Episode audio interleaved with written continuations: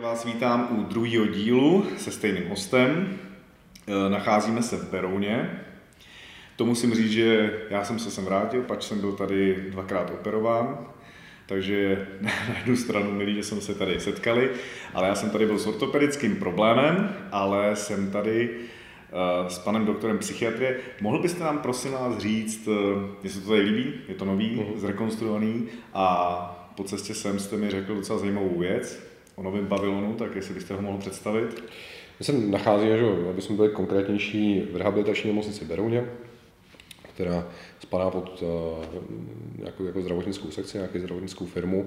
A v současné době ten největší projekt, který se připravuje uh, v rámci tady nemocnice Berouně, je Centrum duševní rehabilitace. Uh, reálně se bude jednat o velkou psychiatrickou kliniku, velký psychiatrický centrum, který pojme až 200 pacientů, což je na český kontext v rámci takovéhle kliniky opravdu ohromný. Zároveň je to centrum, který je budovaný eh, s ambicí stát se nejmodernějším eh, centrem s všemi dostupnými metodami té současné medicíny, psychiatrie a rehabilitace, které by nemělo mít ve střední Evropě, potažmo skoro v celé Evropě, eh, by mělo být špičko a v té střední Evropě by nemělo mít konkurenci. Takže předpokládám, že vy budete jeden vlastně z mno, jeden z toho týmu, který mm. tam bude celou tu kliniku zakládat, což je, jako bych řekl, docela příjemný, ne? Je to určitě je to strašně nová zkušenost. Eh, za posledních x let eh, nemáme zkušenost s vytvářením úplně nového psychiatrického projektu. Když se na to podíváme, eh, takový to gro psychiatrie v těch psychiatrických nemocnicích velkých, ať už známe psychiatrickou nemocnici v Bohnicích, v Kosmonosích, v Opavě, v Brně, v Černovicích. To jsou všechno areály, které vznikaly zhruba na přelomu 20. 19. a 20. století, eh, kdy byla ta psychiatrie a na tu dobu přelomově koncipovaná tak, že se vlastně schrnula do jednoho velkého areálu, kde bylo vytvořeno enormní množství lůžek. Jo? A většinou to byly opravdu velmi komplexní areály, parkový s několika, eh, s mnoha budovami, ubytovacích kapacit a v současné době se bavíme, že třeba psychiatrická nemocnice Bohnice má kapacitu nějakých 12 lůžek. A to už je značně, uh, značně vlastně museli ty lůžka už z důvodu eh, reformy psychiatrické péče redukovat, takže začínají třeba někde na 15 z těch lůžkách. A to je to hlavní gro do dnešní doby té psychiatrické péče. A my se i tímhletím projektem, ale celkově projektem reformy psychiatrické péče, což je ohromný projekt, koordinovaný nebo řízený ministerstvem zdravotnictví, snažíme dostat k tomu, aby o toho pacienta nebylo postaráno v nějakém obrovském areálu, v obrovské ubytovací kapacitě, protože to samozřejmě v dnešní době eh, není žádoucí, není to ten trend, není to to, co by tomu člověku pomáhalo, ale snažíme se to dostat do eh, menších center, menších oddělení, specializovanějších, komplexnějších a zároveň i značnou část té péče se posunout do prostředí toho pacienta, takzvaně do komunity. Mm-hmm. A vaše specializace teda v tomhle centru bude, nebo všeobecně jo. vaše specializace, v čem vy se cítíte zároveň nejlíp a jste erudován, když řeknu? Tak já se rád eh, definuji jako všeobecný psychiatr, to, to, to tak nějak jako je, ale já mám eh, největší, eh, aby jako zálibou, ale myslím si, že nejvíc vím v odvětví akutní péče, v takové té opravdu jako velmi akutní neodkladné psychiatrii, dejme tomu lidi, kteří opravdu jako přiveze záchranka, jsou v nějakém velmi akutním stavu, který je ohrožuje na jejich fungování, někdy i na jejich životě. Zároveň vzhledem k tomu, že myslím si, že tím svým základem mám poměrně velký přesah do somatické medicíny, takže konziliární péče, což znamená řešení těch psychiatrických problémů i v rámci jiných oborů než psychiatrie. A i jsem, vzhledem k tomu, že jsem fungoval teďka i v té komunitní péči, tak i to přesouvání toho pacienta do jeho přirozeného prostředí. To jsou ty hlavní obory, když spíš vyloučím, jako nejsem třeba sexuolog, jo, jako problematice sexuologie tak nic nerozumím, nerozumím eh, tolik. Jo. Tak to balíme, to je špatně. ale, ale opravdu, jako co souvisí s takovou tou, jako čím akutnější péče, tím pro mě lepší. Tak dobře. My máme teda podcast a sérii teďka věnovanou drogám, takže předpokládám, že ta akutní péče s tím zpětá nějak je? Určitě. Vlastně, eh, když se zase budeme bavit eh, v tom kontextu nějakých čísel trochu, eh, zrovna nedávno jsem zpracovával data, kolik přiveze záchranka na urgentní příjem, protože doteďka pracuji v střední vojenské nemocnici, kde máme neselektovaný urgentní příjem, to znamená, že tam internista, neurolog, psychiatr a další odbornosti, tak vlastně kolik těch pacientů tam přijede s psychiatrickou diagnózou a z těchto pacientů je 50% s diagnózou, která souvisí s užíváním návykových látek. My se bavíme třeba v kontextu té ústřední vojenské nemocnice, je to nějakých 850 pacientů za rok, jo, což je nějaký jako 2 až 3 pacienti denně s psychiatrickou diagnozou, a ta UVNK je malá poměrně nemocnice, jo, takže, eh, ale polovina tady z těch lidí tam přijede kvůli alkoholu nebo jiným návykovým látkám. Hmm. Samozřejmě to hlavní gro je, že eh, tam prostě nejvíc tam přichází opilých lidí, nebo přijíždí opilých lidí. No, když se vezmu taxika a jedou domů za váma. no, tak oni eh, teďka budou trochu jako možná až vulgární, ale takový ten typický jako pacient s problematikou alkoholu je prostě eh, člověk, který buď to jako někde přehnal a někde prostě jako mu chtěl někdo pomoct, že někde ležel a nekomunikoval, hmm. nezvedal se, nebo si v, v té opilosti způsobil nějaký úraz. Jo, nebo, nebo jsou to třeba případy, a teďka nejsem nějak odsuzující, a třeba lidí v nějaký sociální nouzi bezdomova, kteří prostě tam ta, ta incidence toho alkoholu je vyšší a prostě se stane, že, že nějaká komplikace tam nastane a ta sanitka je převeze. Hmm, hmm. No tak myslím, že máte určitě o zábavu postaráno. Je to zábavný, jo? tak my, my vlastně můžeme ty, ty problémy, když se bavíme o té akutní péče z hlediska té drogové nebo z těch problematik drog a návykových látek všeobecně, tak eh, to, v té hyperakutní péči, to, s čím se nejčastěji setkáváme, jsou tedy intoxikace, to znamená, že ten člověk uh, má problém, který přímo souvisí s účinkem té látky. Hmm. Reálně to znamená, pokud je opilej, bude buď úplně utlumený, takzvaně, že, jak se říká lidsky, jako kožený a nebude jako schopný ničeho a bude skoro jako v, ne v komatu, ale prostě nebude schopný třeba chodit. Nebo bude třeba agresivní, jo, že, že, že hmm. způsobil nějaký konflikt, tomu byl opilej, ještě měl třeba tak typická kombinace. Prostě chlapi v hospodě se opili, rozbili si hubu, jeden na šití, k tomu je opilej a je nepříjemný prostě na zdravotní personál. Typický. Hmm a, a takže jo, třeba zase u stimulantů to bude taková jako spíš ty problémy, že ten člověk se chová nějak jako zvláštně, někdo jako způsobuje nějaký rozruch, ne, ne, ne není, jestli není agresivní. Jo, u těch opiátů to bude zase problematika té intoxikace a takhle to u těch látek. To je ta první skupina.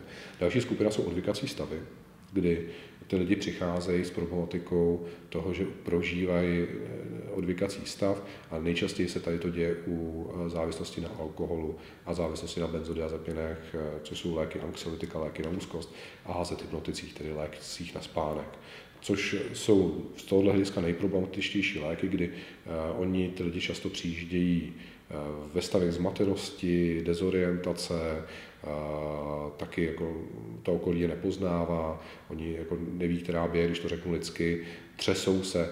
U těch, těch látek vzniká, že v odvykacím stavu vznikají epileptické záchvaty. Jo? Takže hmm. ty lidi přijdou, přijedou třeba po epileptickém záchvatu, celý se třesou, jsou úplně opocený, nervózní.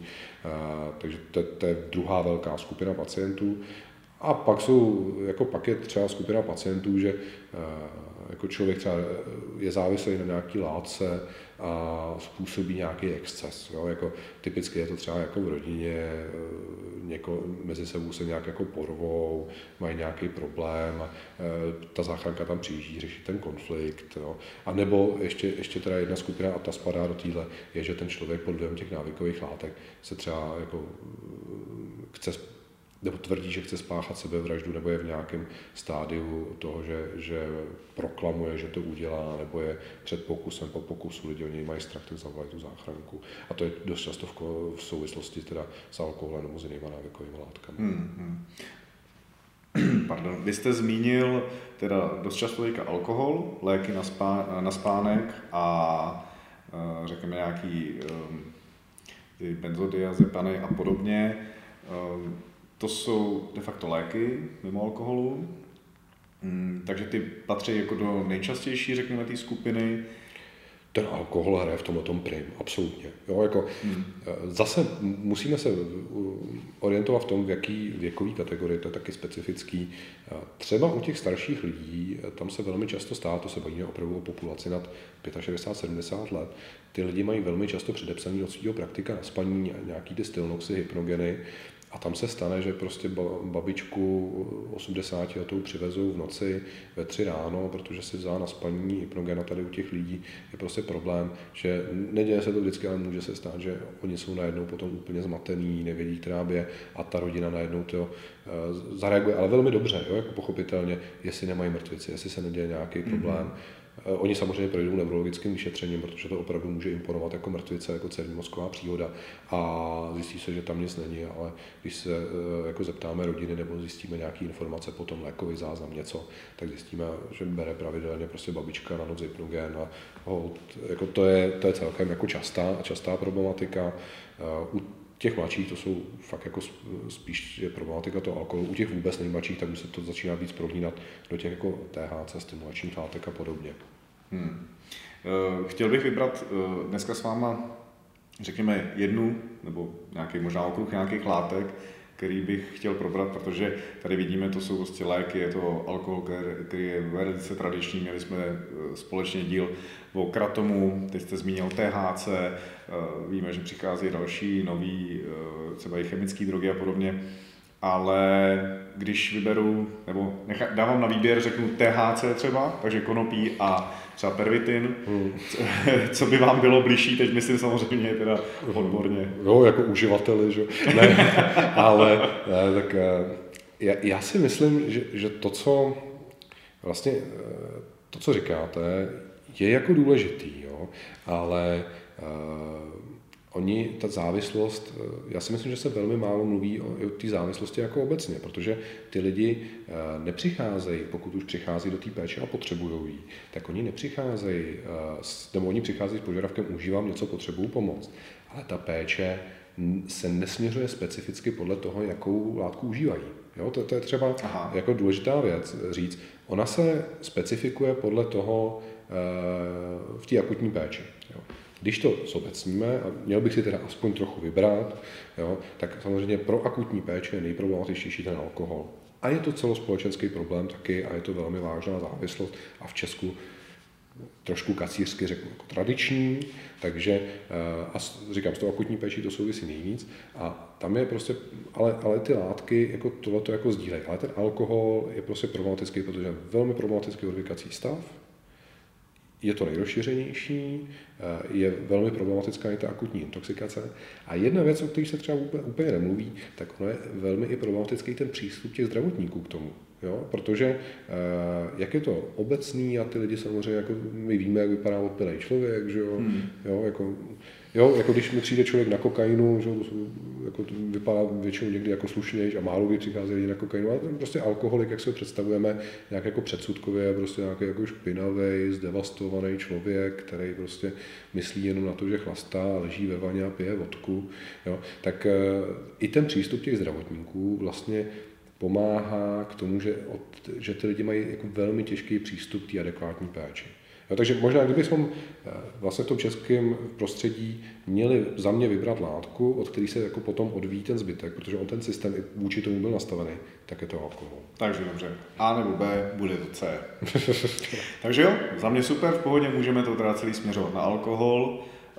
Uh, jak jste řekl, je to tradiční, můžeme to teda pojmenovat, že to je tradiční droga nebo návyková látka, na tom se asi shodneme. Jo, jednoznačně, je to návyková. Tak a ono je tím regionem, ta Evropa s alkoholem, jasně, máme ho rádi a podobně. Tak se zeptám vás rovnou, jak vy jste na tom s alkoholem? No, tak to, jako takhle. Já, já třeba osobně si myslím, že alkohol piju jako zcela výjimečně. To je zajímavé, že, že ty pacienti, pokud chtějí dnešní době potěšit lékaře, jakože se to pořád ještě tradičně dělá, že, tak typicky přinesou tu flašku. Takže e, mně se ty flašky jako hromadí a většinou je distribuju teda e, ať už kolegům nebo, nebo ně, někam dál. E, nepiju moc. Já jsem spíš takový ten příležitostný pijan ve smyslu, když je akce a mám tu možnost, tak jako do té nálady to umím, jo, ale já nemám vypěstnou tak dobrou toleranci. My jsme dělali pokusy minulé, jako kdysi, eh, koli, jako v jaký náladě máme kolik promile, tak já jsem zjistil, že jako nad 1,2 promile už jsem jako trochu úplně mimo, jo? Jako, že už jsem takový, Takže že bych, nejste moc držák. No, já bych četl stůl. Na druhou stranu tou mojí konstitucí, že jo, protože se to trošku rozprostře, ten distribuční objem ve mně je velký, takže ono to není úplně jako malý množství alkoholu v tomhle kontextu, ale jako z hlediska té alkoholémie, těch promile, to není moc. Jo. Hmm, hmm. Takže já, já zase jako mám, jsem nějakým způsobem jako kuřák ajkosu, takže nějakou zkušenost a návykovými látkama mám, jo. Ale to je třeba zajímavé, že ta, ta individuální tolerance mě se vždycky líbí, když uh, přijde nějaký alkoholik a my máme, a je to úplně pochopitelný, ty lidi nechtějí přiznat, kolik pijou. Jo, jako uh, můj starší kolega, uh, lékař, který mi dělá vedoucí lékaře na lůžkovém oddělení, vždycky říkal, no to, co ti řeknu, musíš vynásobit třema. Jo. Já myslel dvěma, tak, no, no, tak on říkal třema, tak eh, já jsem, takže vždycky přijde pán a říká, no já jsem měl, naposledy jsem měl teda včera večer, jsem měl jedno pivo, já mu dám dýchnout alkohol, to je sama 3,5 promile. Jo? A teďka je, je, to ještě tak, že ty lidi mají tak vypěstovanou toleranci, že na nich to ani psychiatr to na nich jako vlastně nepozná. Jo? Jako my tomu někdy říkáme tak jako žargonem, nebo já tomu říkám žargonem provozní teplota. A když má někdo jako provozní teplotu 3 promile, jo, tak tam už to musí být víc než jedno pivo na večer. No tak každopádně těch vašich 1,2 to je nic moc, no to jako kde jaký polský traktorista nebo řidič kamionu jako je ve své formě při těch 4 promile klidně, no. Tohle je zásadně, já se omlouvám, že do toho ještě skočím, že to je zásadně daný tou tolerancí. Jo? Jako je to hmm. jedna, jeden z rysů závislosti obecně, je vznik tolerance na efekt té látky, že musíme zvyšovat tu dávku, abychom zachovávali stejný efekt. A to je typické u toho alkoholu. Pokud možná to řekneme zase trošku jako obecně, jestli můžu, mm-hmm. u toho alkoholu. Alkohol je nějaká tlumící substance, má nějaký průběh té intoxikace, že v nízkých dávkách eh, toho alkoholu my se chováme společně, máme eh, ty zábrany nižší, eh, jsme, jsme hovornější, v těch vyšších už nás seduje. To je daný tím, že ten alkohol působí přes receptorový mechanismus mozku, kterýmu se říká GABA systém. Fungují to GABA receptory, GABA je zkrátka pro GABA aminomáselnou kyselinu.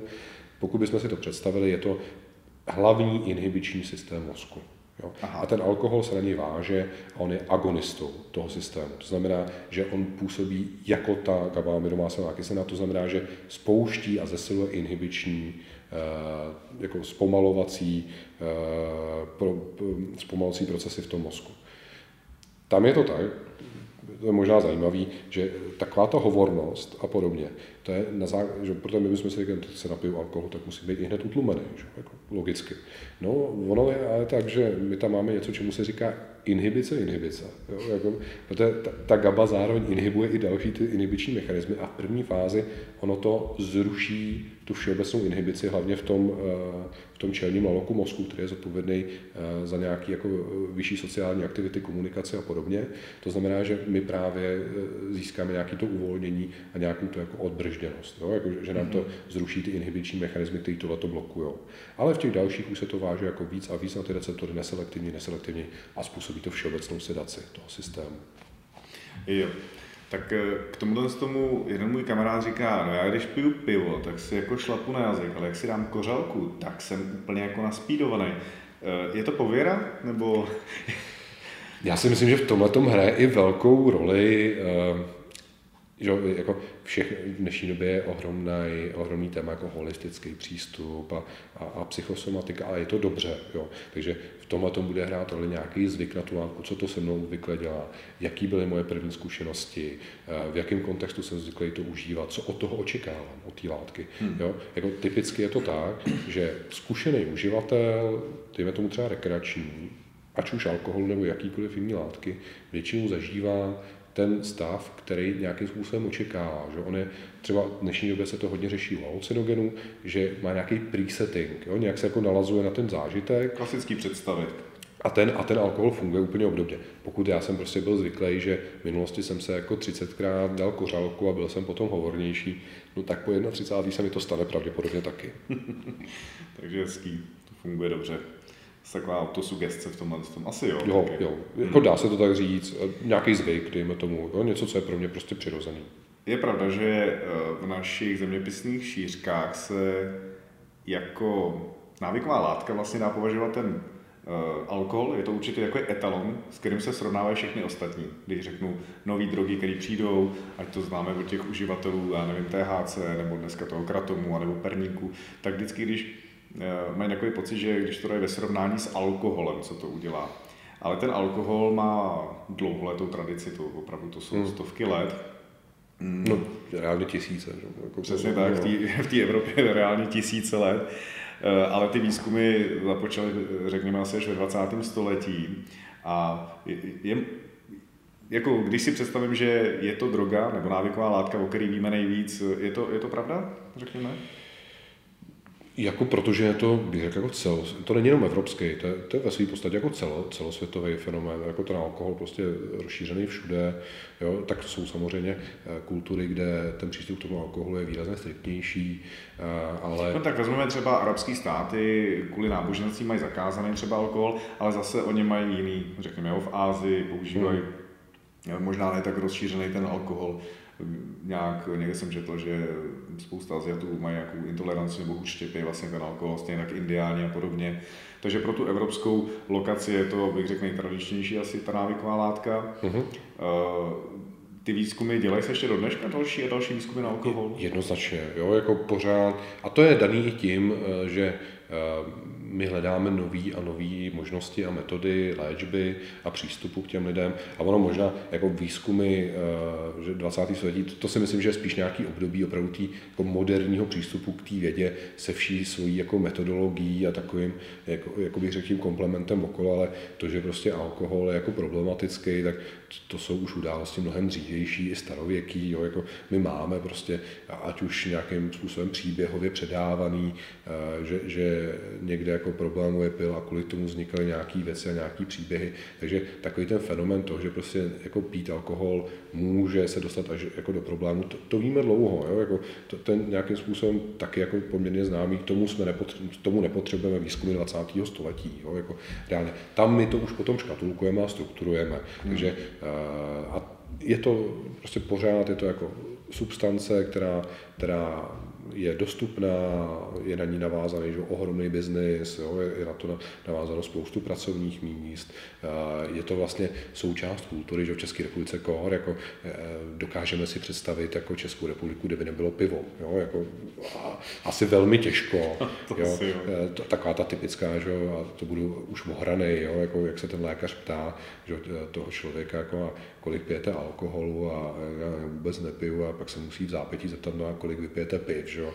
A, e, no, no piv vypiju jako tak pět denně, jo. No, jako, tak... Ale je pravda, že to slychám taky, že pivo není alkohol, že tak. No. A, a teďka je, otázka, že e, takový bych řekl, ten tradičně vnímaný alkoholik je opravdu takový ten pijan piva, jo, takový ty bych řekl, dřívější eh, klasiky, kdy se sešli prostě chlapy po šichtě v hospodě a od, od tří, od čtyř tam prostě do těch devíti, nějakých těch šest, sedm kousků tradičně prostě zvládli, tak to už jako v dnešní době eh, se od toho spíš jako mm, uchází, jako není to, není to tak častý, no, v tom taky jako ten covid hrál roli, ty lidi začali třeba více pít doma no, hmm. a, a spíš eh, se, se jdeme už do toho fenoménu opravdu, že, že ty lidi eh, se tím jako sytějí v různých formách, ale už to není takový to tradiční hospodský pijanství, který jako fungovalo. Hmm. Hmm. Dobře. Tak, my dáme malou pauzu, protože si potřebujeme rozsvítit. Můžeme pokračovat. Takže, jsme v problematice alkoholu. Eh, zase opět budu tak trochu citovat. Četl jsem Rozdělím to, že dneska mladí už lehce opouštějí od alkoholu, že už to nehraje takový ten prim a hlavní proud toho, co by zkoušeli. Je to asi tím, že mají na výběr uh, určitě jiný návykový látky a podobně. Za další chtějí se lišit od dospělé populace, takže na just chtějí používat něco jiného. Ale jak se to promítá, když vidějí vlastně to, jak se s alkoholem běžně zachází, jak ho vidějí v rodinách, Eh, máte pocit, že by se mělo něco změnit v tom vztahu k tomu alkoholu? Vy vidíte ty na konci, vy vidíte mm. takový ty nejhorší případy, ale mělo by se něco změnit už v těch rodinách nebo v celkovém přístupu té populace k tomu alkoholu? Uh, jo, jako vždycky. Vždycky se dá měnit spoustu věcí. Uh, zase bych trošku vzal z toho všeobecnější perspektivy, a jak jsme se bavili v tom kratomu, že uh, aby jsme nebyli zahlcený tě, těma věcmi, co to dělá akutně. Jo? Jako, že, že člověk, když je závislý, tak má odvykací stav, jemu blbě vypadá nějak a nějak. To je jedna věc. Ale to, co to působí z dlouhodobého hlediska, u toho alkoholu je významný, proskoumaný spousta fenoménů, jak to funguje na okolí toho člověka. A nejenom jako, eh, jak to ničí ty vztahy v té rodině, jak to, jak to ničí eh, jako jeho sociální pozici a celkově to životní ukotvení, ale jakou to má i souvislost s přenosem na další generace. Eh, alkohol je v tomhle velmi právě oproti tomu kratomu velmi dobře probádaná látka, kdy my jednoznačně víme, že ty faktory, které třeba zvyšují riziko vzniku závislosti, a to na jakýkoliv látce, tak třeba to rizikový pití nebo závislost na alkoholu u, u rodičů, jo, to je ohromný rizikový faktor. Takže my a ty, a, to, co... a není to teda jako dědičný, ale je to vyloženě okoukaný ten fenomen, že žiju v tom prostředí, řeknu třeba alkoholiků. No, dobrá otázka, strašně dobrá otázka. Uh, ono to málo kdy jde úplně oddělit, jo? Mm. ale byly o to pokusy. A opravdu, a tyhle ty pokusy, experimenty se většinou dělají na adoptovaných dětech, jo? Kdy, kdy ty děti, které jsou adoptované a víme o nich, že jejich biologičtí rodiče eh, byli třeba alkoholici, tak i tam to funguje. Jo? Jako, že, že tam nějaká genetická stránka určitě bude figurovat taky. Hmm. A e, tam bychom se zase, kdybychom se posunuli dál do nějaký třeba morfologie mozku, můžeme tam hrubě vidět třeba nějaké jako změny, že, že ty alkoholici mají nějaké změny na tom mozku, které můžou jako přeturčovat a nějaká genetická informace tam hraje roli a všechno se to míchá dohromady. Takže, eh, Ale to, že alkohol mění eh, v podstatě mozek, záleží i samozřejmě na věku toho člověka, to je prokázaný, to každopádně. Jako jakákoliv jiná substance. Jo, jako všechno, co účinkuje na mozek, nám bude ten mozek nějakým způsobem měnit. To, tak to je. Tak negativně? No a teďka je ta otázka, jako eh, pozitivní versus negativní, lze to oddělit a je pozitivní v krátkodobém, dlouhodobém, negativní v krátkodobém, dlouhodobém a to už se dostáváme jako do těžkých polemik. Jo? A e, jednoznačně je to tak, že za mě, jo, jako pa, teďka, jestli se mnou lidi polemizovat, já za to budu rád, e, jako neexistuje nějaká látka, která by jako pozitivně přestavovala mozek, jo, jako, nebo mm-hmm. nějakým způsobem ho jako moduloval. Ano, jako můžeme se bavit, a teďka se budu trošku protiřečit, na, nějaký, na nějakých účinkách jako antidepresiv z hlediska jejich efektu a že můžou mít nějaký neuromodulační efekt, nebo teďka se to zkoumá u eh, ketamínu, třeba esketamínu, jo, a to už je jako vysoká neurověda, nebo u psychedelik, jo, že můžou mít neuromodulační efekt. Ale to, že mají neuromodulační efekt, jo, jako je to strašně těžko interpretovatelný. Ale u toho alkoholu si můžeme být jistý, že to je prostě jako mozkový rozpouštědlo ve své podstatě, jo? takže, takže uh, tam se ne, nemusíme, jako tam vůbec od toho neočekáváme nějaký jako pozitivní efekt, že, že by to mělo um, jako ne, prostě na, na ten mozek je to jednoznačně toxický, že dřív se tradovala taková ta hláška, že uh, každý, každá kapka alkoholu ti ničí mozkový buňky o tolik a tolik, Samozřejmě tohle to nelze kvantifikovat, hmm. jako vědecký výzkum si na to nedokážu představit. To je třeba zajímavý. Jo. E, že? Kdyby se na tím člověk zamyslel, když slyší takovouhle větu, jakože, já nevím, deci alkoholu ti sníží jako počet neuronů o tolik a o tolik, já, by, já bych se jako ptal, a jak se to zkoumá? No, a teďka, kdy, když, jsme nebyli, když jsme ještě neměli jako funkční magnetický rezonance, protože tady, ten, tady ta tradice vznikla ještě předtím, tak, jako, takže toho člověka, který se napil deci alkoholu, jako zabili, rozrezali mu mozek a počítali mu neurony. A druhá stránka, takže eh, oni to opravdu testují, takže jako člověk si dá deci alkoholu a oni ho prostě opakovaně snímkovají magnetickou rezonancí, aby spočítali denzitu, jako uh, hustotu těch nervových vláken. Jo, my se musíme taky jako kriticky dívat na tyhle ty informace. No jasně, tak eh, to jsou spíš takový uzlidovělý hlášky, bych řekl, a je to o tom, jak lidi chtějí předávat informace, taky vlastně zjednodušují, škatulkují a podobně, ale je, pravda, možná někdo tomu věří asi, ale rozumíme tomu. No, ono to není, jako, ale eh, tohle je, je strašně důležitý, jak ty lidi jako tradují ty věci. Jo. Hmm. A těch mýtů, který jako tam figuruje, jo, který, který tam vstupují do toho rozvažování, uvažování, je strašně moc. Jeden takový, já bych zmínil třeba u toho alkoholu, je takový jako typický mýtus, že když se do toho člověk, do té léčby, že s tím má něco dělat, jako bude tlačit, tak a bude to dělat kvůli rodině a kvůli, já nevím, manželce, přítelkyni, takže to jako nebude úplně úspěšný, ta léčba. Ono se ukazuje, že to tak úplně není. Jako, že I když ten člověk je do toho tlačený, tak to má smysl. Jo? Takže, hmm. ale to je spíš možná jako trošku jako klinický mýtus. Nevím, jestli vy máte nějaký jako mýtus jako v, v, alkoholu v rámci tohohle. Možná jeden, jeden z těch mýtů je třeba to, že ten alkohol, že kořálka působí jinak než to pivo. Jo? Hmm. Jako, hmm ve své podstatě si, jako pořád je to alkohol jako alkohol. No asi jo, abych tam možná rozhodl, že to pivo má hodně cukru a v ten moment akorát zatěžuju játra nejenom alkohol, ale i cukr. To je možná jenom, že to může malinko jinak, ale... Mě napadá jenom, pardon, mě napadá jeden krásný mýtus a to jsou hepatoprotektiva. Nevím, jestli jste se Tak to vůbec nevím, asi bych to ani nezopakoval. Jo, jo, to jsou látky, které eh, lidi, a to bylo hodně módní v takových raných jako dvoutisícovkách, ostropestřec mariánský, jestli vám to něco říká. To je, to je bodlák, ne? Eh, no, je to, je to typ bodláku. No. Je to látka, která, silimarin, myslím, že se, to, že se ty různé obchodní názvy, ale to je látka, který se jako věřilo, že má jako protektivní účinek vůči tomu alkoholu. Hodně se to dávalo těm alkoholikům, že, jako, že, že když to budou baštit, tak se jim ty játra jako zlepšejí. Já to, na tom hrozně mám rád názor profesora Hulka, to je hepatolog z fakultní nemocnice Hradce Králový, který má krásný názor a to je, že žádná látka nespůsobí to, že by to játrům pomáhalo. Že jsou látky, které jsou k játrům neutrální a to není málo. Jo? To je jako fajn. Ale že neexistuje látka, která by pomáhala játrům, protože játra ve své podstatě jsou velmi dobře regenerovatelný orgán. No. Hmm. Když ho nezatěžujeme, ty játra sami dokážou velmi dobře regenerovat. Hmm. Takže to je, jste mi trošku připomněl, když eh, jsou očistné kůry. Žádná očistná kůra neexistuje, tělo se čistí permanentně v jednom kuse samo.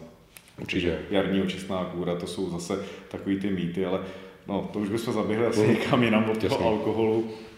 Ale uh, vy teda nevím, jak dlouho působíte v té klinické části, nebo jakoby ohledně s tím alkoholem, že byste takhle přišel s těma pacientema do styku. Eh, mně se spíš jednalo o to, jestli je na ústupu s těma mladýma, jo. řekněme, jestli je to na ústupu hmm. a i přebrali to teda ty jiný, řekněme, návykové látky. Já se, tohle je těžký a teďka se teda přiznám svoji neznalost, protože nějaký jako akt, asi ty aktuální čísla máme, kolik mladistvých užívá alkohol, já je teda úplně nevím, a z toho klinického hlediska se to nezdá, že by to ustupovalo. Jo, opravdu eh, já jsem, já, já jsem si taky jako, i sám jsem byl v nějakém tom bias, v nějakém tom předsudku, že jako mladí jako nepijou, ale já se běžně v klinické praxi setkávám i jako s těžkýma alkoholikama a to třeba už jako od 18 let v rámci toho, když jsem stážoval na dětský psychiatry, tak prostě u 15, 16 letých e, jako dětí a je to prostě pořád jako nejrozšířenější látka a je jako i e, v rámci toho mladého věku užívaná. Takže já bych v tom tak a teďka říct si optimistický nebo pesimistický, eh, jako nebyl. Jo. Já to, určitě bychom vytáhli nějaký data, jo, jako protože Ale mám... i ta statistika jako de facto, jak by se měla dělat, aby byla přesná. Teď jsme u toho zanášet, jaký případy, spousta věcí asi... No v tomhle to máme jednoduchý. To, to je zrovna jednoduchá věc, protože my máme Národní registr eh, léčby uživatelů drog, do kterých spadá i alkohol. A tam je povinnost tady ty věci hlásit. Každý lékař, který se setká Eh, v rámci léčby závislého, tak musí hlásit jako to, co s ním udělal a to, jak se léčil a to, kolik ten člověk kolik Aha. užíval a tak. To je zanášení do registru a ten jako každý rok se z toho vydávají statistiky. Takže tohle to jsme schopni jako zjistit. Tady to je snad jediný registr, kde to jako funguje. Dobře, ale eh, jako když vám budu oponovat, tak si myslím, že spousta těch lidí s tou závislostí se ani k lékaři nedostane. To je pravda. A ty ale, tam nejsou zahrnutý. Samozřejmě, ale pokud to budeme brát za další časový horizont, tak předpokládejme, že to procento těch, kteří se nedostanou do té léčby, je pořád víceméně, dejme tomu, stejný, i když to samozřejmě nevíme, ale můžeme sledovat jakoby, ty trendy v rámci těch léčených. Jo? To znamená, že můžeme porovnat, a bylo léčených mý 18 letých než, než před deseti lety. A hmm. to nějakým způsobem jsou srovnatelné data. Takže, uh, to je vlastně jako podmět k nějakým odhadům potom, dalo by se říct. Určitě. To jo. fungovat. Já si myslím, že možná. Teďka fakt jako budu, to divoká hypotéza. Jo, jako řeknu. A to mě baví, to, pošlete to sem. Divoká hypotéza. Vzhledem k tomu, že se setkáváme eh, s velkým nárůstem psychických problémů všeobecně u mladší generace, tak bych předpokládal, a ten alkohol eh, je u všech eh, psychických onemocnění jako nějaký rizikový užívání nebo závislost častou komorbiditou, nějaká hmm. jako, hmm. tak bych předpokládal, že i toho vlastně bude spíš víc než méně. Hmm, hmm. A ta dostupnost, je, to je alfa omega asi všeho, ta dostupnost je naprosto klíčová v tomhle směru. No. Kdokoliv si může šáhnout pro lahev jakýkoliv alkoholu od dětí počínaje. Je to tak. No.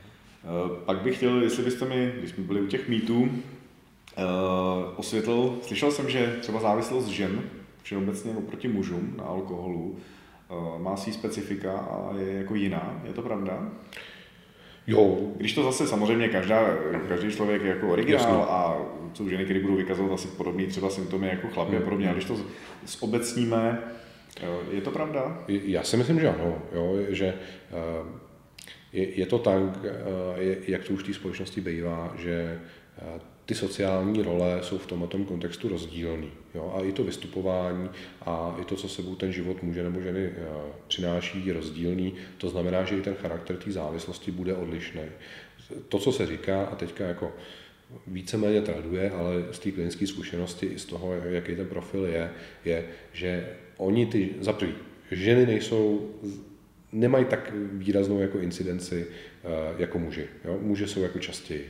Ale u, žen, ale u žen je to tak, že uh, tam dochází třeba k tomu pití uh, spíš jako v nějakém, velmi dlouho v nějakém jako tajném kontextu. Jo? Jakože oni jak třeba jsou to... Když vás ještě teda předuším no. zhruba jenom, kdybychom to mohli procentuálně pobrat, uh, muži versus ženy, ty, to, já, vím, že já, já si teďka nechci utrhnout o studu, no, protože tohleto, tohleto by mnohem líp věděli adiktologové, to se fakt jako omlouvám. To je v pořádku, ale... tak jako já, je to nepřipravený, já jsem vás vlastně neposílal žádný otázky, abyste se mohl připravit, ale prostě chlapi v tomhle tom směru zaujímají větší jakoby díl. Jo, jako troufám si tvrdit, že u, tý, u těch závislostí, které opravdu je třeba eh, nutná, a my tomu říkáme detoxifikace, ten pobyt na tom akutním psychiatrickém oddělení, kdy toho člověka provázíme tím odvykacím stavem a snižujeme to riziko s ním spojený, tak tam je ten poměr mužů vůči ženám třeba 3 ku 1. Mm-hmm. No, jako když to řeknu takhle. Ale je to nějaký jako moje číslo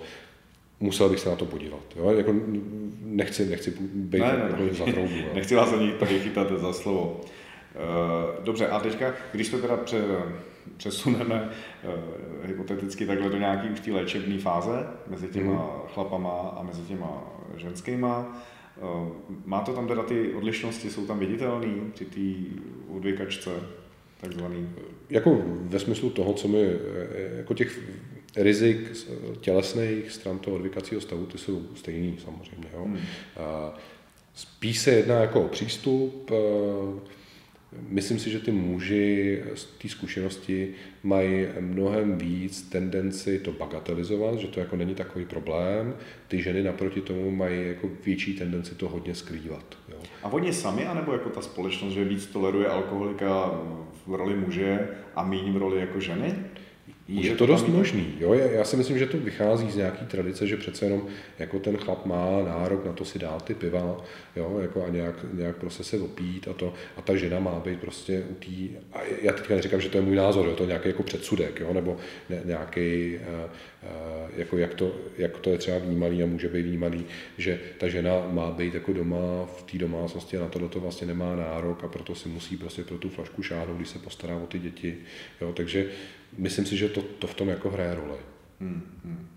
Já si myslím, že i eh, tam jako velmi eh, hraje roli, jestli ta žena je matka. Jo? Třeba, že, že fakt v, v okamžiku, kdy už to přesahuje do té role, jako že mám za někoho zodpovědnost, za někoho starost, tak ta společnost tohle to strašně málo toleruje. U toho muže je to zajímavé, že, že to, že je otec, tak jako to není prostě tak demonizovaný, jako že otec chlastá, jako když matka chlastá. Hmm, hmm. Taky mám ten pocit, že to takhle je, no. Hmm. Uh, když uh, bych se teda zeptal, protože já jsem teda, to zmínil po několikrát, jsem teda abstinent, takže doufám, že se k vám nedostanu na léčbu. Jak probíhá taková léčba? Máte to nějak jako, nějaký principy? Chápu, že jsou tam opět nějaký individuální přístupy, ale jak, jak já si sám nedovedu představit, dobře známe to možná z nějakých filmů, občas jsem si něco přečet, ale jak probíhá taková léčba? Jsem rád za tuto otázku, to je, to je skvělá protože tím bychom mohli pomoct nějak lidem, jo? aby jsme hmm. to trošku eh, destigmatizovali nebo jako ne, nedělali tomu to špatný jméno, který to má. Ta léčba ve své podstatě má, můžeme rozdělit na několik fází a taky několik forem. Ona, ta léčba Takový to, co máme tradičně zažitýho, je, že ten člověk absolvuje nějakou detoxifikaci, která probíhá z pravidla nejčastěji na akutních psychiatrických odděleních, po případě jednotkách, těch třeba těch psychiatrických nemocnicích, které jsou proto určený, protože ta detoxifikace je ta eh, část, kdy se ten člověk začíná abstinovat, že je úplně bez alkoholu. My dokonce těm lidem říkáme, ať nechodí vstřízliví, jo, jako, protože to je plně rizikový. Aha. Jo? Kdy, oni, kdy, když je prostě budeme nutit, aby přišli z 0 promile, tak prostě přijde úplně zmatený, klepající se člověk, který bude strašně blbě bude zvracet a budeme mu vlastně jako zvyšovat to riziko. Eh, a on tam možná ani nedojde hlavně. A on tam asi ani nedojde a budeme mu zvyšovat to riziko komplikace u toho odvykacího stavu. Takže my těm lidem klidně říkáme, hejte se, prostě jako přijďte, striktně nepožadujeme, abyste měli pod nějakou hranici, protože ty lidi prostě můžou přijít jako s dvěma, s třema promile. Eh, jsme schopni jako oni ostřízliví za těch, dejme tomu, do těch 24 hodin a my sledujeme v těch 24 hodinách to, co se děje. V tu chvíli jako nemůžeme se bavit vůbec o nějaké jako práci s tím člověkem a o náhledu na tom, že pije a takhle. No ale jak to vypadá? Takže přijde tam v takovém stavu, mm-hmm. dobře dal si dva panáky na kuráž, přišel teda k vám. Jo a teď vy ho teda jako nějak izolujete. Já se opravdu ptám, tak jako, že jsem jo. neznal tyhle ty problematiky. A teďka ještě je důležité, že on tam přijde jako dobrovolně. Jo? Mm-hmm. Prostě závislost na alkoholu ve své podstatě není, nevnímáme jako stav, který je bezprostředně nebezpečný pro, je, pro toho pacienta nebo pro jeho okolí, tudíž my nemáme legální možnost toho člověka hospitalizovat bez souhlasu. Jo, takže Malinko on... se odkloním, no. dřív jako byly záchytní stanice, ty uh, z těch záchytek nechodili teda k vám, nebo nebyly posílaný? Uh, jako já nejsem zas takový pamětník, a, hmm. ale, ale na druhou stranu vím, že tohle to figurovalo, že eh, dřív ještě jako, jako velký mecenáš tady tý vůbec léčby závislosti byl doktor Skála, který jako založil různý programy léčby závislosti, tak za té jeho éry fungovalo i to, že ty lidi jako byli nějakým způsobem evidovaný, v té záchytce nějakou dobu zůstávali a dostávali nějakou základní nalejvárnu. To teďka není. Záchytná stanice opravdu funguje ten, tomu člověku se ani neříká pacient, jo? tomu se říká zachycený. Eh, je to opravdu jako služba, která vzniká proto, aby to, že když je člověk prostě jenom prostě opilej a, a dělá někde rotiku, ale žád, není žádný zdravotní důvod se o to, o to člověka starat, tak aby byl izolovaný od té společnosti. Mm-hmm. Proto se mu říká zachycený. Ale vůbec to, jako samozřejmě, jako oni dostanou třeba nějaký letáček nebo něco, ale jako můžeme si říkat, no, jako, co s tím udělají. Ale uh, ta Vraťme se k té první fázi, ten člověk přijde opilej, dá si dva panáky na kuráž, my mu řekneme taktika, budete střízlivět a, a s tím člověkem přicházíme opakovaně do kontaktu a my čekáme na to, kdy se u něj provějí první odvykací příznaky. Pokud v těch odvykacích příznacích nepřijde. Mezi ty první odvykací příznaky takový to typický, co je, eh, my ty lidi si necháváme velmi často, že nám předpaží ruce, dostáhnou prsty a je tam takový diskrétní třes, po případě taktilní, kdy se dotkneme prostředničku toho člověka a cítíme chvění na tom prstu. Mm-hmm. Zavřou oční víčka, ty oční víčka se chvějou. Vypláznou jazyk, ten jazyk se začíná chvět. Zároveň pro toho člověka je nepříjemný to, že o, jemu je nevolno, začíná se potit, může být úzkostný, cítí takový jako tlak, nával a začíná to pro něj to střízlivění být nepříjemný. A to se bavíme o jaký době teda? Teďka jste řekl 24 hodin šulnu je to vystřízlivění mm-hmm. a po jaký době můžou nastat už tyhle ty příznaky? Je to hned po tomhle vystřízlivění? Tohle to je, jak má ten člověk stanovenou tu toleranci na ten alkohol, takže u někoho to nastane, když jako přijde člověk a má dvě promile, a uh, u někoho, a, a byl by člověk, u kterého by to nastalo třeba při promily, jo? Mm-hmm. ale je to člověk, u kterého to nastane až při nula. Jo?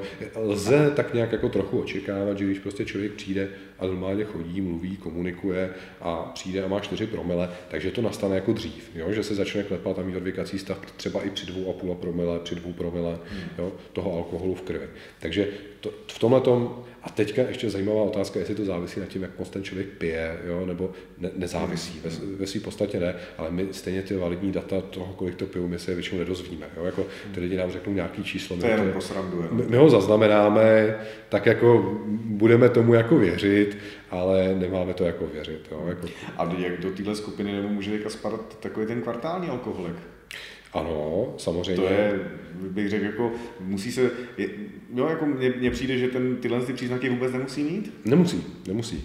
A tam je to o to komplikovanější. Jo, jako hmm. tam, to, co říkáte, je pravda, že u těch lidí, kteří prožívají tady ten nepříjemný odvykací stav, se, se děje, že ta motivace k té léčbě jako takový je větší, protože jsou zatížený tím, co je strašně nepříjemný. Jo. Hmm, hmm. U toho kvartálního alkoholika se to nemusí stát. Ono se to nemusí stát ani u toho chronického alkoholika. Jo? Jako jsou lidi, kteří... No tak kdy si začali pak pracovat v tom případě? No samozřejmě, že tam první, co říká takový to, to skoro až kliše, jako první krok v léčbě závislosti je přiznání si to, že mám problém. Jo? A, to může při, a většinou to přichází spíše externě. Eh, ta závislost má nějaký své fáze vývoje. Kdybychom se o tom bavili eh, obecně, tak má fáze nějakého experimentu, jo, jakože experimentujeme s tou látkou, eh, dělá, jako zkoušíme, co to s náma dělá.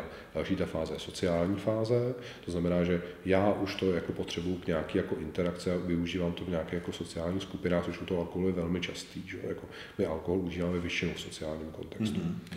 No pak je pak je fáze už jako eh, postupného, eh, jako častější užívání, někdy se říká každodenního užívání, že ten člověk už jako začíná prostě eh, ten konzum jako zvyšovat a zvyšovat. A konečná je ta fáze, kdy vznikají ty problémy. A to je takzvaná fáze, že já pot, jako potřebuji víc a víc té dávky, aby to způsobilo stejný stav jako na začátku.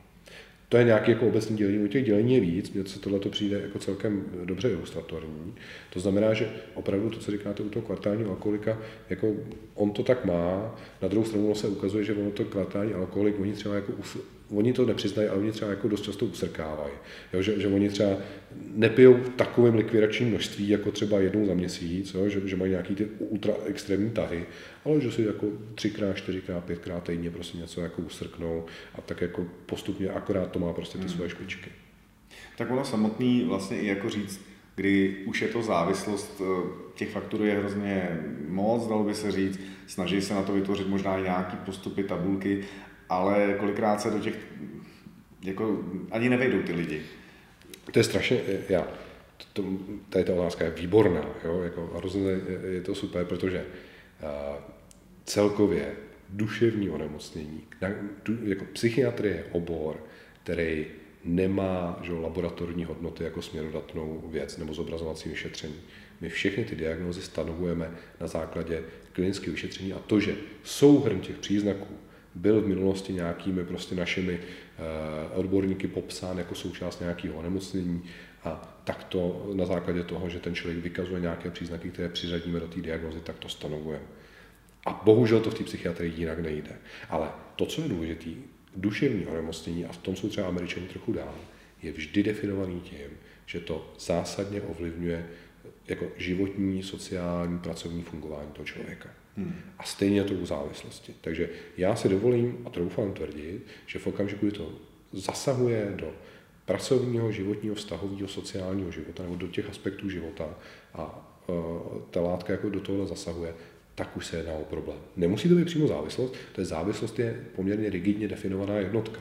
Jo, my hmm. máme jako několik příznaků závislosti a o syndromu závislosti se hovoří, když splníme čtyři, čtyři z těch příznaků. Jestli to chceme vyjmenovat, tak je to bažení po té látce, nadměrný konzum té látky, ztráta kontroly při užívání té látky, přítomnost odvykacího stavu, užívání té látky navzdory somatickým komplikacím a tělesný eh, a právě, právě preference té návykové látky oproti ostatním věcem v životě. Hmm, hmm. A tohle jsou, tohleto jsou základní příznaky závislosti. Pokud splníme čtyři, je to syndrom závislosti. Pokud splníme alespoň dva až tři, je to něco, čemu my říkáme škodlivé použití. Někdy se to říká jako abúzus, jako zneužívání. Aha. Hmm. Hmm. Takže dostáváme se teda v té léčbě do té fáze, jak jste říkal, nějaký ten třes a podobně, aby jsme mhm. teda se vrátili k té léčbě, jak to teda funguje, nebo jak to uh, celý funguje. Uh, a co teď s tím, do té doby jsem se chtěl ještě zeptat, ten pacient, nazýváte hmm. ho pacientem teda, předpokládám, no, no. Uh, tak je na samotce na nějakém pokoji, nebo jsou pospolu, Jo, jsou, tak je to podle eh, těch oddělení, no tak eh, se může stát, že prostě v některých psychiatrických zařízeních, a já říkám, že je to špatně, ale prostě bohužel to nejde jinak, tak je třeba na šesti úzkovém pokoji, jo, jako mm-hmm. někdy na osmi úzkovém. A, někde... a jsou tam všichni v téhle fázi, nebo jsou, nebo... Záleží na kontextu, jsou opravdu jednotky jako detoxikační, třeba psychiatrické v nemocnici mají přímo jako oddělení jako detox, kde jsou no. jenom ty pacienti jako v rámci uh, nějakých jako akutních stavů odvykání od té návykové látky. Tak. Ale třeba u nás na všeobecní psychiatrii, protože že v úvence všeobecná psychiatrie je, tady v Berouně všeobecná psychiatrie, to bude prostě akutní oddělení se všemi všudy, tak jsou normálně se všemi ostatními pacienty. Mm-hmm. A tam přichází jako důležitý okamžik, kdy oni se začínají třást, tam je první odvykací příznaky, tak my, abychom snížili riziko těch vážných, uh, vážných komplikací, které s tím odvykacím stavem jsou spojený, to znamená epileptické záchvaty, zmatenost, pády, kolapsy, v té nejvystupňovanější fáze, když ten člověk je úplně dezorientovaný, zmatený a může mít halucinaci, to je ten stav, který mu se říká delirium tremens. Jo. Mm-hmm. Ten jsou, to je vyst, absolutně vystupňovaný odvykací stav. To je ten nejvyšší, řekněme. Teda. No tak jako nejvyšší je podle mě smrt, jo. Jako, ale, ale, Dobře, tak, tak, je to před dveřma. Tak je, no, je to velmi závažný stav. Ten mm-hmm. souvisí jako s tím, že ten metabolismus toho člověka je silně jako rozvrácený a, a, a vzniká to prostě na podkladě toho, že ten organismus jako selhává. Mm-hmm. To delirium je protože i ten mozek selhává jako poslední orgán. Takže uh, je to velmi závažný stav. A my, abychom tomuhle tomu předešli, tak tomu člověku začneme uh, podávat látky, právě ty benzodiazepiny mu začneme podávat, abychom eh, tady ty stavy mírnili, abychom nedospěli do těch závažných odvykacích příznaků. Takže abychom vyháníte čerta ďáblem. Ono to jinak nejde. Jo.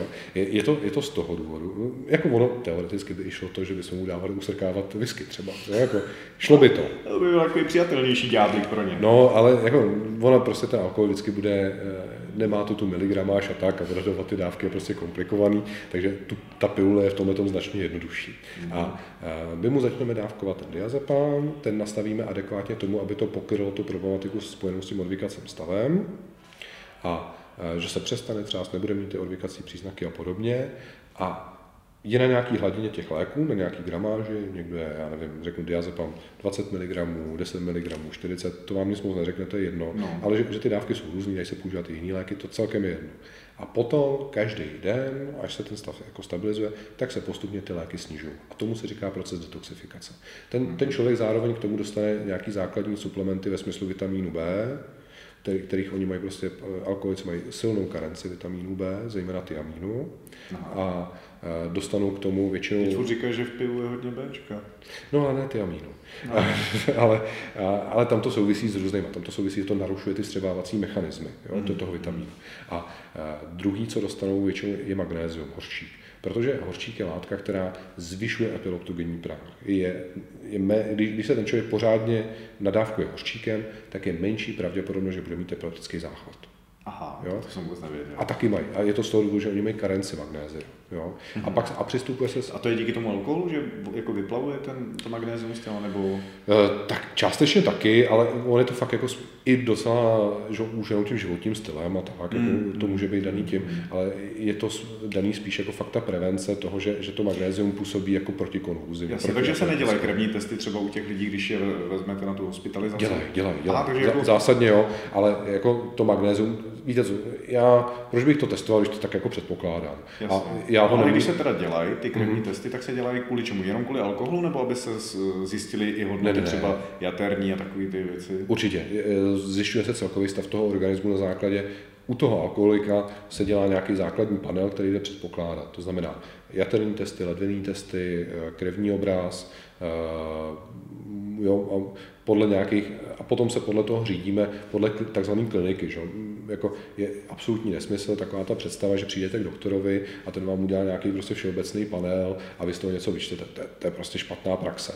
Dobrá praxe je taková, že postupují podle toho, co ten člověk má za problém. Tak přicházejí s alkoholikci, ale za u nich předpokládat, jako tak si myslíme, že by mohli mít zasažený játra, tak jim odebereme ty játra. No a když ten člověk přijde a má jako zase může mít teplotu, jo, může mít prostě nějaký známky infektu, tak mu zase naberu jako panel, který směřuje k diagnostice té infektu, protože oni jsou to imunokompromitovaní pacienti. Jo. To je taky potřeba si uvědomit. To že prosím vysvětlete. Jo, pardon. Eh, ty těžký alkoholici prostě nemají dobře funkční imunitní systém. Takže a. jsou ve větším riziku, jsou ve větším riziku třeba infekčního onemocnění. Jo? Mm. Takže a k tomu to potom směřujeme. Jo? Můžou být uh, alkoholici, kteří mají třeba nějakou nepoznanou uh, jako srdeční arytmii, jo? takže a musíme zase k tomu přizpůsobit ten vyšetřovací proces. A To se stane, ale zpravidla všem bereme jaterní panel, bereme jim ledvinný testy, bereme jim krevní obraz. Uh, někdy, jo, pokud je tam třeba kombinace s jinýma návykovými látkami, tak odebereme třeba i hepatitidy, jo, jestli člověk nemá žloutenku. Tak a tohle se koukneme, zjistíme, co iontogram bereme jako základní ionty, to je velmi důležitý, jako sodík, eh, draslík, eh, chloridy a, a podobně. A tohle se koukneme a prostě může být alkoholik, který prostě pije 20 let a dejme tomu ty játra jako nemá zas tak zasažený, může být alkoholik, který pije dva roky a má je eh, ty játra jako tak rozhašený, že má ty hodnoty třeba 60 násobní. Hmm. Je, jo, je těžký to odhadovat, protože každý máme zase tu toleranci a to zpracovávání toho alkoholu nějakým způsobem individuálně nastavený. Takže tohle to zjistíme, zjistíme, jestli tam je nějaký problém, podle toho se potom zachováváme. No a takhle ten člověk jako je na tom diazepamu, je na tom, je na tom magnésku, je na těch vitamínech B, No a co se stane pak? Pak už ten člověk, jak je střízlivý a bere, bere ty léky, tak my už jsme schopni s ním nějakým způsobem mluvit o tom dalším postupu. Jsme schopni eh, jako dopodrobna zjistit charaktery jeho závislosti, protože neexistují dva stejně závislí lidi. Hmm. Zajímavý na těch, to je jenom taková zajímavost, zajímavý na těch alkoholicích je, že oni prostě pořád na těch psychiatrických odděleních mají pocit takových nějak jako trochu privilegovaných lidí. Aha. Z toho důvodu, že dost často se setkáte, že ten, jako ty chlapy alkoholici jako třeba přijdou a já nebudu tady s tím člověkem jako na pokoji, to je, to je prostě perníkář, jako, to je hrozný, jako já tady nebudu s nějakým prostě člověkem, který si, který si píchá prostě piko. Jako. A tak jako já se většinou tak jako podívám jako nechápavě a jako zeptám se na tu triviální otázku, jako co vás odlišuje od toho, jako jeden od druhého jako v rámci toho života, v rámci toho, že jste jako lidi. No on užívá jako pervitin, úplně to samé, jako vy prostě chlastáte alkohol. Jo? Jako, hmm. oni, oni, někdy mají, jako, že, že je to tak jako elegantnější, když to tak řeknu. Jo? Jako, tak dost... opravdu možná takový ten pohled na člověka, který jako užívá třeba nějaký drahý nebo luxusní alkohol, oproti tomu, když si někdo píchá něco na lžič, ze lžičky do jehlu, do žíly, možná, jestli... Ale já úplně stejně chápu toho člověka s tím pervitinem, jo, jako, a myslím si, že eh, těch jako opravdu nějakých noblesních pianů, jo, když to řekneme, že toho to jako málo, asi u vás. toho je málo. To, to, to co pře, převažuje, tak potom, že e, se říká, že cost effectiveness, jako to, to, co za peníze, jako nějaká ta efektivita, že prostě jako krabicový víno, vodky, jo, jako prostě to, hmm. to je to, co frčí. To levnější samozřejmě alkohol, no. Určitě.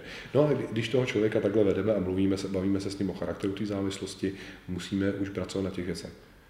Jak to začalo, jo? jaký jsou faktory vyvolávající to, že pije, jak pije, jestli má nějaké jako destruktivní sklony ve smyslu opravdu jako jsou lidi, kteří prostě pijou do němoty, protože se za něco jako trestají, jo, jako hmm. jsou lidi, kteří tím prostě uh, sytějí nějakou úzkost, nějaký jakoby špatný vztahy, nějaký životní selhání. A to je pro každého toho člověka specifický a my to zjišťujeme z toho důvodu, že my díky tomu, že tohle zjistíme, můžeme pracovat na to o posunout té motivaci, že s tím potřebuje něco dělat. My teda zpravidla na to oddělení jako přijímáme lidi na detox, kteří už mají domluvenou léčbu snažíme se o to, jo? Mm-hmm. protože mhm. pro nás zase není jako perspektivní toho člověka prostě týden hospitalizovat a pak ho jako vypustit s tím, že první, co udělá, až vyjde z našeho oddělení, je, že si koupí prostě flašku. Mm, takže, takže my se snažíme s nimi pracovat na té motivaci, posilovat v ní, že vám to může sloužit k tomuhle a k tomuhle. Jo? Budete mít prostor, když nebudete chlastat, budete mít prostor řešit tohle a tohle. Snažíme se i zjistit ten sociální kontext, jak to ovlivňuje jejich vztahy, jejich rodinu, protože vždycky to zasahuje ty vztahy. Hrozně moc. A když jste teda u toho eh, v této fázi, kdy ho třeba může navštívit někdo z rodiny? Jako my jsme, zrovna my, jako eh, v té UNC, eh, jsme v tom tom poměrně benevolentní. Jako asi nedoporučujeme ty návštěvy opravdu v okamžiku, kdy se ten člověk začíná odvykat. Jo, mm-hmm. jako, to, to, je jako nepříjemné a většinou ani ty lidi nechtějí návštěvy. Jo, to věřím. No. Jo, takže, ale potom jako v těch fázích jsme v tom, tom benevolentní, takže vlastně prakticky od eh, jako prvního dne, kdy má nastavený ten diazepam, tak je to úplně v pohodě. A my jsme ještě takový jako specifický v tom, že prakticky v průběhu celého toho dne, až někdy do 9 večera, ty návštěvy jsou víceméně volné pro ty pacienty. A je to dobře. Jo? Jako, hmm. uh, oni najednou získají tu zpětnou vazbu, že když jsou střízliví, tak uh, ta rodina s ním komunikuje jinak. Jo? Najednou to, už je tenhle ten malý zásah, vlastně to, že jenom ostřízlivý, dělá nějaký kroky, které oni můžou brát jako motivační. A na tom se dá pracovat. Ale je potřeba pořád myslet na to, že detoxifikace není léčba závislosti. Je to jenom ten první krok, který nás uh, vlastně zachraňuje od toho nejhoršího, co se může stát při tom odvykacím stavu. Dobře, a jak dlouho teda, tak jsme v této detoxifikaci, jak to dlouho, tak zhruba, já vím, že u každého je to jiný, ale bavíme se o nějakém časovém horizontu? Jo, bavíme, můžeme, řekněme, že do 14 dnů jako vypustíme všechny dál. Jo, jako do Jo. 14 dnů určitě. Mhm. Myslím si, že u většiny se to povede třeba do týdne. Jo, že to není jako dlouhá doba. Takže dobře, máme za sebou tohle a nastupuje ta léčba. Mhm. A ta vypadá teda, jestli... Tak tu léčbu bychom mohli rozlišit takovou nějakou konzervativní, tradiční, kdy v České republice jako tradiční konzervativní léčba je vnímána ústavní léčba závislosti. Jsou zřízený prostě specializovaný oddělení, většinou navázaný na nějakou psychiatrickou nemocnici, kde je to tradičně, eh, kde mají program eh, ústavní léčby, to znamená, ten člověk tam leží, je tam hospitalizovaný a zpravidla ta ústavní léčba trvá tři měsíce. Jo. Mhm. Jo, je to dlouhá doba, na druhou stranu to má své opodstatnění, jo, jako aby se s tím člověkem dali rozebrat ty věci víc do hloubky, pracovat s ním, na, ať už je to jako motivace k nepití, ať už jsou to eliminace těch a, faktorů. Mně se hrozně líbilo, když jsem byl a, v Bohnicích tímto, jestli se na to někdo někdy podívá, a, jako z Bohnic, z adiktologie, z léčby závislosti mužů. Mně se strašně líbilo, jak Pěte tam pracoval dřív primář než šport, což je taková, z- z- takový zajímavý člověk. Je to, je to ikona, ale je zajímavý, že ty pacienti, jak jsem měl čest tu, tu čest se zúčastnit jako s jeho bývalými pacienty jedné skupiny, je vzpomínají strašně rádi. Jo. A, a je krásný sledovat jako třeba nácvik odmítání alkoholu. Jo, že opravdu oni jako dramaterapeuticky přehrávají různé situace, které se můžou stát a jak oni odmítnou ten alkohol. Což je, jako může se to zdát jako trivialita, to je strašně důležitá věc. Ale bude to zásadní věc Je- určitě v tomhle tom. A velkou roli v tom hraje, jak ten člověk je schopný jako být otevřený. Ten člověk, který tomu svýmu sociálnímu prostředí jako přizná to, ale já jsem byl na léčbě, jsem léčený alkoholik. A je to prostě velký problém. A měl jsem s tím takovýhle, takovýhle problémy. Bude mít mnohem větší šanci abstinovat, než člověk, který tohle to bude tajit. Tak zrovna s tímhle s tím mám já osobní zkušenost, pač jak jsem ten abstinent, tak první otázka na mě, když to někdy řeknu, protože samozřejmě mi nabízejí alkohol, uh, vidím ten ostych, že nevědí, jak se zeptat proč a mají tak jako strach z toho, že tak já jim říkám, že jsem vylečný alkoholik a, a že jsem ženatý, že to mám zakázaný vždycky od dvou, jak od doktora, tak od manželky, ale je pravda, že když jim jako řeknu, že jsem uh, byl alkoholik a že jsem vylečný alkoholik, byť jsem nebyl, strašně zvláštní, jak se promění jejich výraz v obličeji a najednou mě začnou litovat. Já je teda v zápěti vyvedu s omylu, že to byla legrace, ale je to asi nějaký stigma, který v té společnosti u nás je. Je, je, je to jako velká nálepka. Jo? No, E, to- jako, jako od, je to odsuzující, ale je taky potřeba, a s tím se, e, na tom se s těma lidma pracuje, že je to ta prvotní reakce. Jo? Hmm. Že taky, jo? že ten člověk musí si zvyknout na to, že je nějaká prvotní reakce, je nějaká kompenzace a je nějaký jednání potom. To znamená, Ale ten ostych může být vlastně až strach těch lidí. A to už není jen tak potom. Takže s tímhle s tím se tam pracuje právě v tom, jak to přiznávají potom Jo. tomu okolí a podobně. Snaží se, snažíme se proto udělat cokoliv. Já si doko, oni dost často ty závislí jako mají eh, bych řekl, takové jako zkreslené představy o té odvykací léčbě, eh, že je to jako, jsou to režim, protože ono je to velmi často, jako jsou to striktně režimové jako léčby. Jo? To To Víte co, já to sám nevím taky, proto se ptám. No. A mě by to zajímalo. Proto se vlastně... Je- Je to určitě většina těch programů je založena na tom, že je tam nějaký striktně daný režim. A to je z toho důvodu, a- že se tam nějak jako pracuje na dodržování pravidel. Někdy je to až jako úsměvný. Jo? Jako třeba v těch bohnicích, když jsem byl, tak tam jsou nějaké radní komunity a, a ty pacienti třeba když žádají o to, aby si mohli zavolat, jo? Mm-hmm. tak musí říct přesně znějící formuly. Jo, jako já, pacient ten a ten, požaduji o umožnění telefonátu eh, z, z toho pro tento účel na toto číslo, hovor vykonám tehdy a tehdy. A může se to zdát jako strašně ústřední, je to jedna z těch malých věcí. Jo. Hmm. A ne všude je to stejný, jo, ještě řeknu. Ale, a my jsme zrovna, a to bylo strašně zajímavé, protože tam byl prostě pacient, který to neřekl dobře a prostě jsem řekl, ne, prostě se nemůžeš zavolat. Ale já mám taky problém s pamětí, abych to taky neudělal. No, a, ale teďka, jako, a my jsme na to, na základě toho, my jsme měli komunitu potom odpolední, takovou jako terapeutickou, a jsem nad tím jako hodně přemýšlel. A samozřejmě ta první reakce od toho pacienta byla, a teď je to úplný nesmysl, jako proč záleží na takovýhle kravině, jestli to řeknu, ocituju přesně. Já si prostě potřebuji zavolat. A samozřejmě, jako to je pochopitelný názor. A mě úplně jako učaroval eh, ty dva názory. První byl od jiného toho spolupacienta. Ty spolupacienti vůbec, jako to, jak to funguje komunitně. Oni se velmi dobře řídí navzájem. Aha. A pomáhají si. Jo. Takže ono Pomáhají si jako... jednoznačně, jo. pokud už je to takhle nějaká tři měsíce jako dlouhá doba, co s těma lidma strávíte, takže musíte vypěstovat nějaký vztahy, kontakty a nějak se musíte spolu jako rozumět. Tam je i figurují takové věci, že se jeden ten pacient zaučuje druhýho, jo, jako, a hmm. vysvětluje mu tu situaci a podobně. Za nějakou část za něj zodpovídá, takže to jsou opravdu... Jako to jsou možná principy jako rodiny, mi to připomíná. My tomu radši říkáme třeba komunita, mm. jo, ale je to nějaký i nácvik toho, že prostě eh, můžeme se na někoho spolehnout. Někdo nám pomůže. To jsou velmi důležitý faktory v tom životě. A uh, jeden ten názor byl od pacienta, který říkal, ale my to nemůžeme měnit, to jak je to zaběhlý, protože když se ty věci jako si upravujeme podle sebe a měníme, tak oni prostě časem se uh, jako dekonstruují a ztrácejí význam. A to je strašně dobrá myšlenka. Já jsem byl tou myšlenkou úplně ohromený. Hmm. A je to, je to pravda, protože my, když prostě i ty jako základní věci a budeme se postupně upravovat, upravovat tak ono to opravdu časem ztratí význam. Tichá pošta, že? No, Kol, kolik lidí je schopný si předat takovou jednoduchou větu.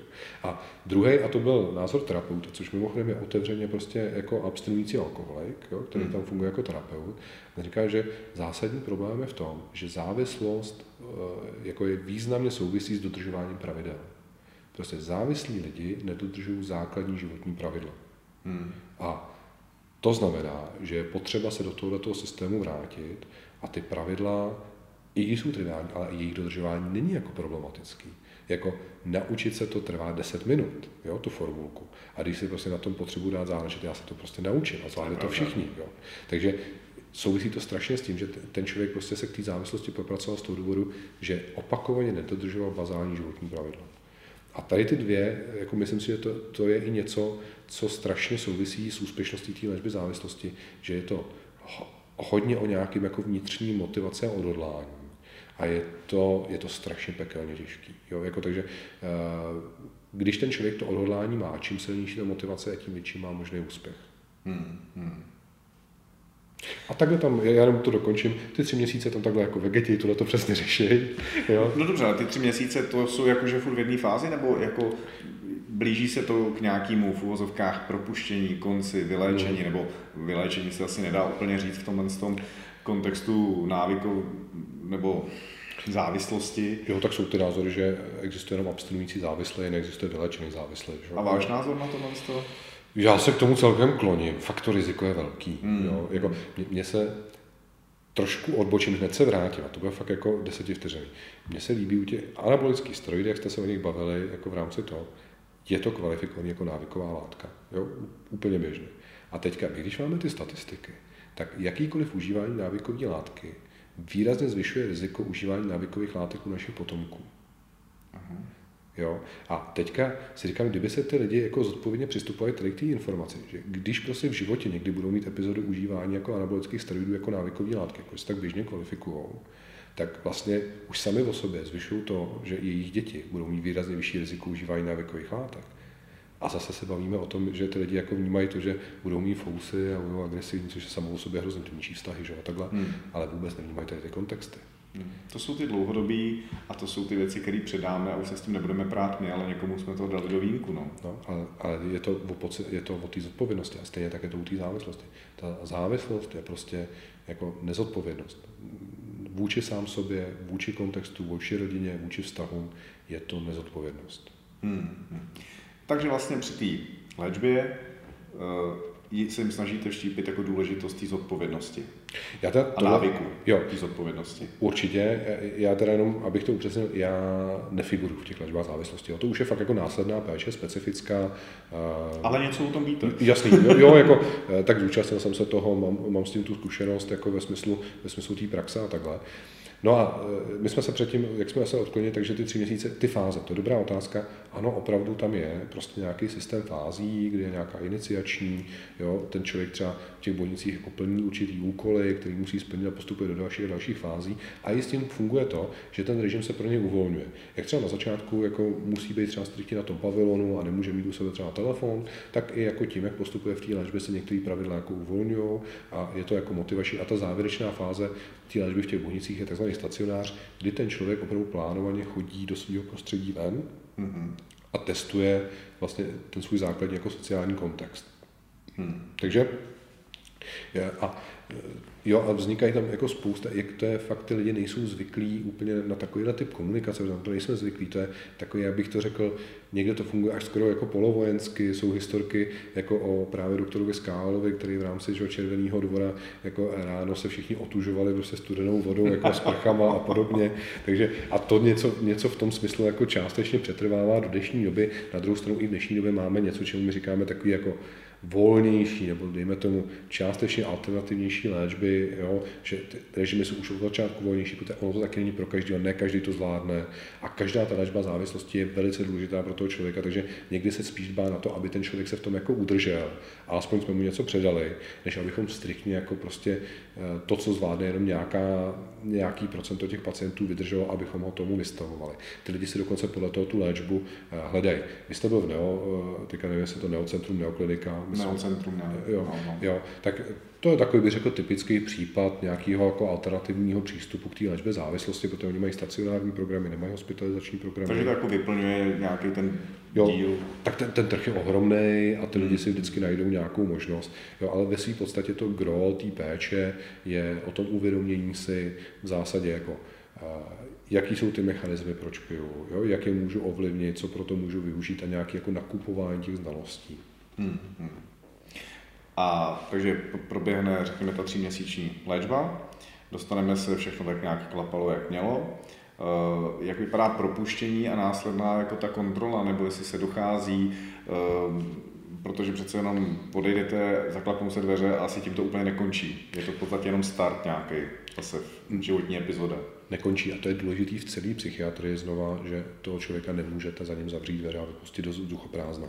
Samozřejmě se pracuje i na tom, aby byl navázaný na služby tzv. následní péče, to znamená, vyhledal si adiktologa, jo, jako specialistu na návykové nemoci, ke kterému bude docházet, ideálně i psychoterapeuta, jo, aby měl prostě nějakou psychologickou podporu, pokud je to nutný psychiatrickou pomoc, jo, jako mm-hmm. psychiatra, pokud má takže, nějakou medikaci. Takže dá se říct, že i opouštějí vlastně tu léčbu v různých stavech, anebo jak bych to popsal, nebo možná ne ani stavu, ale všichni jsme originál, všichni jsme nějak různý. Já si myslím, že tam je určitě daný standard tím, co by ten člověk jako z jakou výbavou by měl odcházet. Jo? Jako, mm. že, že, by měl mít nějaký jako svůj balíček, eh, se kterým jako odejde ve smyslu toho, že bude mít zajištěnou nějakou následnou péči, ať už to bude třeba docházení do anonymních alkoholiků jo? a jako podobný další programy podle toho, co, co se s ním probere a podobně. No dobře, a vrací se aspoň, já nechci říct přímo kontrola, ale nějaký, jako, abyste věděli, nebo té léčebně, aby věděli, jak pokračuje ten jeho život, něco. Dává se jim ta možnost. Oni určitě jsou jako absolventský stacionáře, jo, jsou setkání, které ty lidi můžou využít, ale tady těch možností jako nějaký ambulantní péče je už naštěstí v dnešní době více. Jo. Hmm. Takže nemusí být třeba vázaný na tu léčebnu jako takovou, ale můžou si to e, vyhledat prostě v místě, který jim je jako příjemnější nebo tak. A, a, ale jako myslím si, že ten bazál, aspoň v těch prvních jako fázích opravdu té abstinence v tom, v tom prostředí, je ta adiktologie psychologická, psychoterapeutická péče plus nějaká podpůrná, aspoň jako forma třeba komunitní nebo skupinové terapie, třeba jako anonymní alkoholici, skupinová terapie a podobně. A naštěstí už jako ta, ta nabídka se rozšiřuje. Hmm, hmm. E, tak nějak to slýchávám, čtu z mnoha jako směrů, že přece jenom bude přibývat e, je takový výhled nemilej, e, víc a víc lidí s problémy psychickými díky vlastně té době, jak žijeme, tomu. To my nevíme, no, jestli to je jsou to odhady, dobou. jsou to samozřejmě odhady. no, to jsou kvalifikovaní odhady. My jednoznačně víme, jak jsem říkal, že prostě dle VHO eh, do roku 2000, 2030 eh, určitě, ale spíš do roku 2025 bude vlastně deprese největší socioekonomický zdravotní problém celosvětově. Hmm. No, v současné době jsou to kardiovaskulární nemocnění. A ta deprese to vystřídá. Takže uh, určitě je to prostě ohromný téma. Tak eh, myslím, že tímhle jsem to zmínil. Plánujeme jako jednu z dalších sérií zrovna duševní nemoce, kam ta deprese samozřejmě spadá. Eh, možná se domluvíme i spolu na dalších dílech. Já myslím, že tohle to téma, když jste si vybral z A a B, jste si vybral C, bylo skvělý, vybral jste si alkohol. Eh, za mě je to docela dobrý start, nebo jeden z prvních dílů k návykovým látkám. Všichni asi máme kolem sebe nějakou zkušenost. Já vám za tohle to moc krát děkuju. Mm-hmm. Bylo to vyčerpávající za mě. Já jsem se ptal jako naprosto neznalý člověk. Myslím si, že jsem dostal odpovědi dobrý. To, to se dobře. Já jenom možná ještě bych to využil, a to fakt jenom v krátkosti. Já, pokud by to mohlo k něčemu aspoň trochu sloužit, je, že největší problém z hlediska toho léčby alkoholiku je, jaký problém s tím má ta rodina. A pokud já můžu něco jako předat, co ta rodina, protože ta rodina se většině a velmi dobře ptá, co můžu udělat pro to, aby ten člověk začal tu léčbu a něco udělal, a já říkám, že prostě všechny ve výsledku prostředky, které se vám zde jako použitelný, můžete udělat. Jo? Že ať už to je o tom, že někdo reaguje na to, že jo, je otec od rodiny a ničí prostě svým alkoholismem děti a manželku, tak prostě jestli, jestli to na co zareaguje, že od něj odejdete, udělejte to. Vyplatí se prostě použít všechny dostupné vám nějakým způsobem přijatelné prostředky aby se ten člověk té léčbě dostal, v jakýkoliv formě. Protože i, i když ten první krok může být se zdát jako malinký, že ten člověk třeba dojde někam do ambulance nebo k psychiatrovi a nemusí to být to směřování k té eh, psychiatrii, jako k té léčbě závislosti jako takový, tak i to se počítá a je to strašně důležitý. Takže je potřeba na tady to myslet a, jak říkám, i tohle to hraje velkou roli. Tak to vám děkujeme. Eh, já vám osobně moc děkuji za radu. Doufám, že to bylo prospěšný a bude to i vám divákům. Takže ještě jednou moc krát děkuji. Bylo to velmi příjemné povídání. Eh, doufám, že to nebylo naposled a myslím si, že těch témat máme hodně. Tak aby jsem zase ty diváky jako neunudil, že jako pořád stejná tvář. Uvidíme, jak se to bude líbit vám divákům, takže děkujeme moc, sledujte nás, budeme dávat zase na sociální sítě příspěvky o dalších dílech, o dalších zajímavých hostech, anebo o hostech, kteří se budou vracet do našeho pořadu bez předsudků. Děkuju, děkuju vám a děkujeme a uvidíme se brzy. Naschledanou. Taky díky, naschledanou.